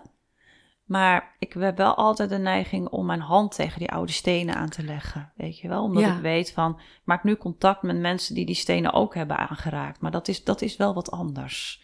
Ja, maar dat, ja, dat, dat heb ik ook. Dat gevoel heb ik ook. Ja, van waar ik nu loop, hebben ook Ja. honderden jaren geleden Ja. mensen gelopen. En Ja. deze stenen, die hebben al zoveel gezien en meegemaakt. En er zijn al zoveel mensen langsgelopen. En dan, ik weet niet, dat intrigeert mij altijd enorm. Ja, maar het is niet dat een koude aanwezigheid om me heen voel of zo. Oh nee, ik voel, ik voel niet geest of zo. Maar het is meer dat, denk ik, jeetje, weet je wel, hier in deze kamer is dit en dit allemaal gebeurd. Maar dat is, dat is gewoon historisch besef.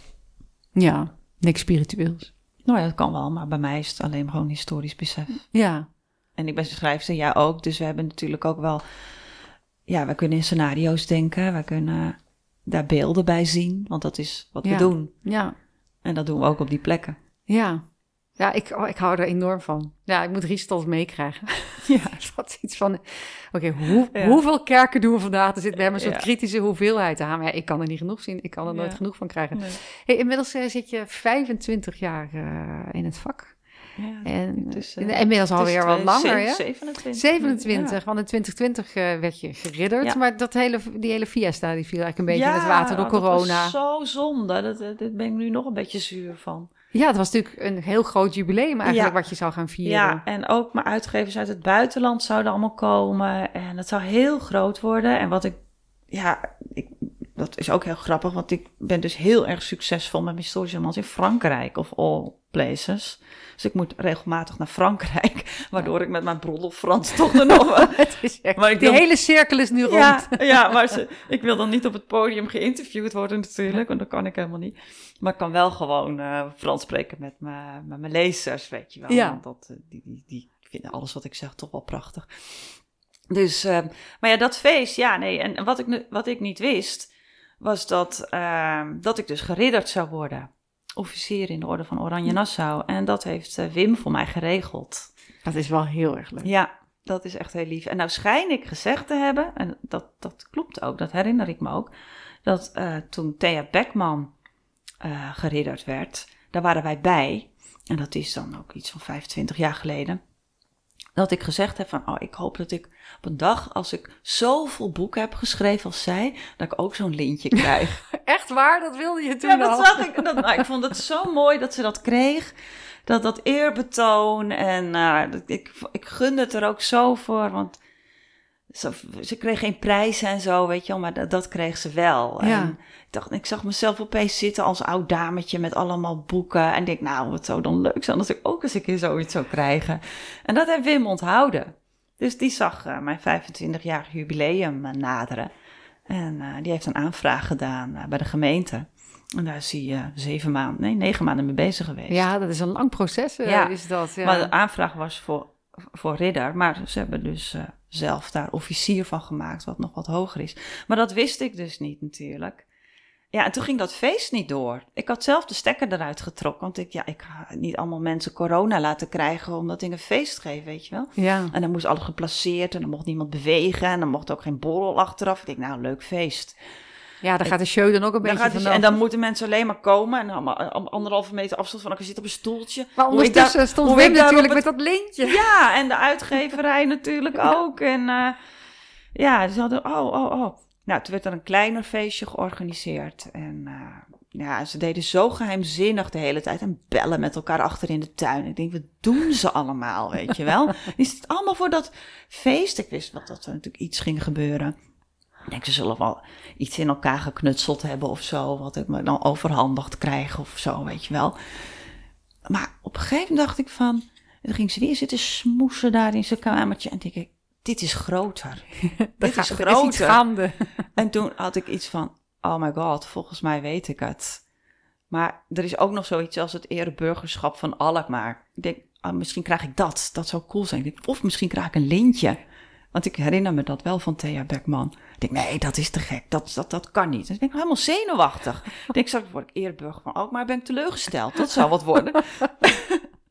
Maar je hecht er ook dus wel echt waarde aan, aan zo'n Ja. lintje. Ja. Ja, Je vond het echt ook heel mooi. ik dat vond het echt heel erg mooi. En ik zag de burgemeester al en ik denk van, nou, ik denk, het is in ieder geval een van die twee.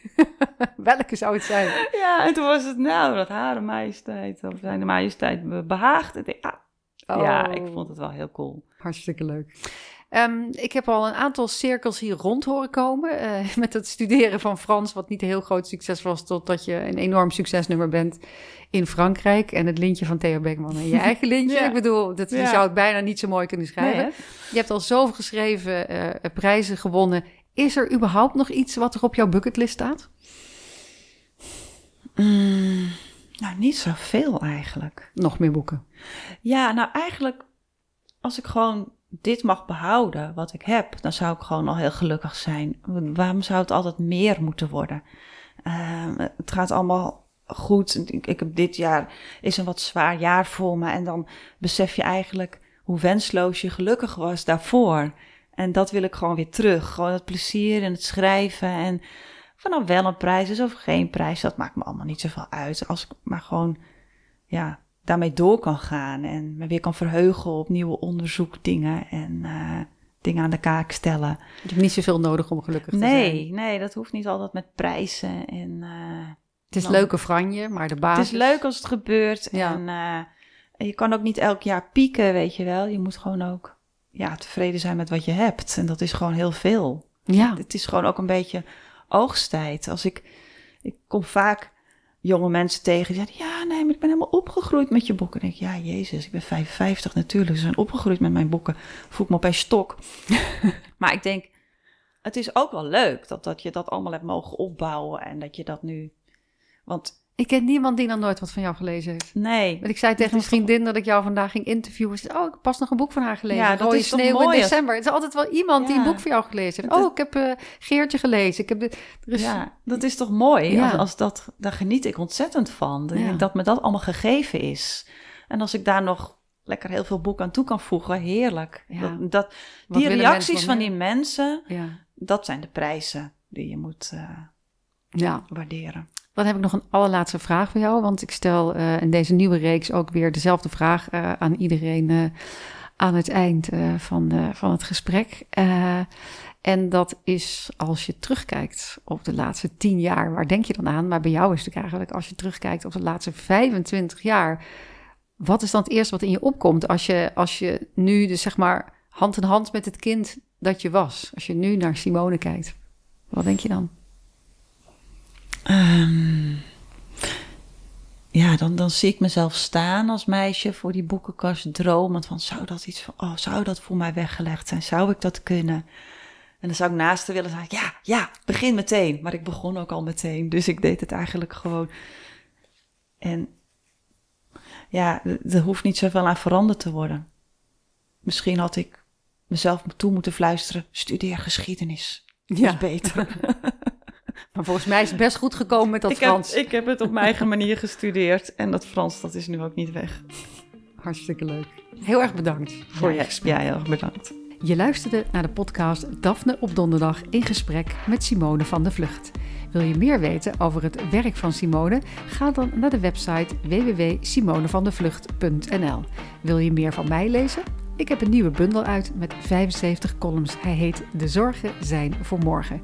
Klik op de volgbutton, dan blijf je op de hoogte, want volgende week is er weer een nieuwe Daphne op donderdag. Tot dan!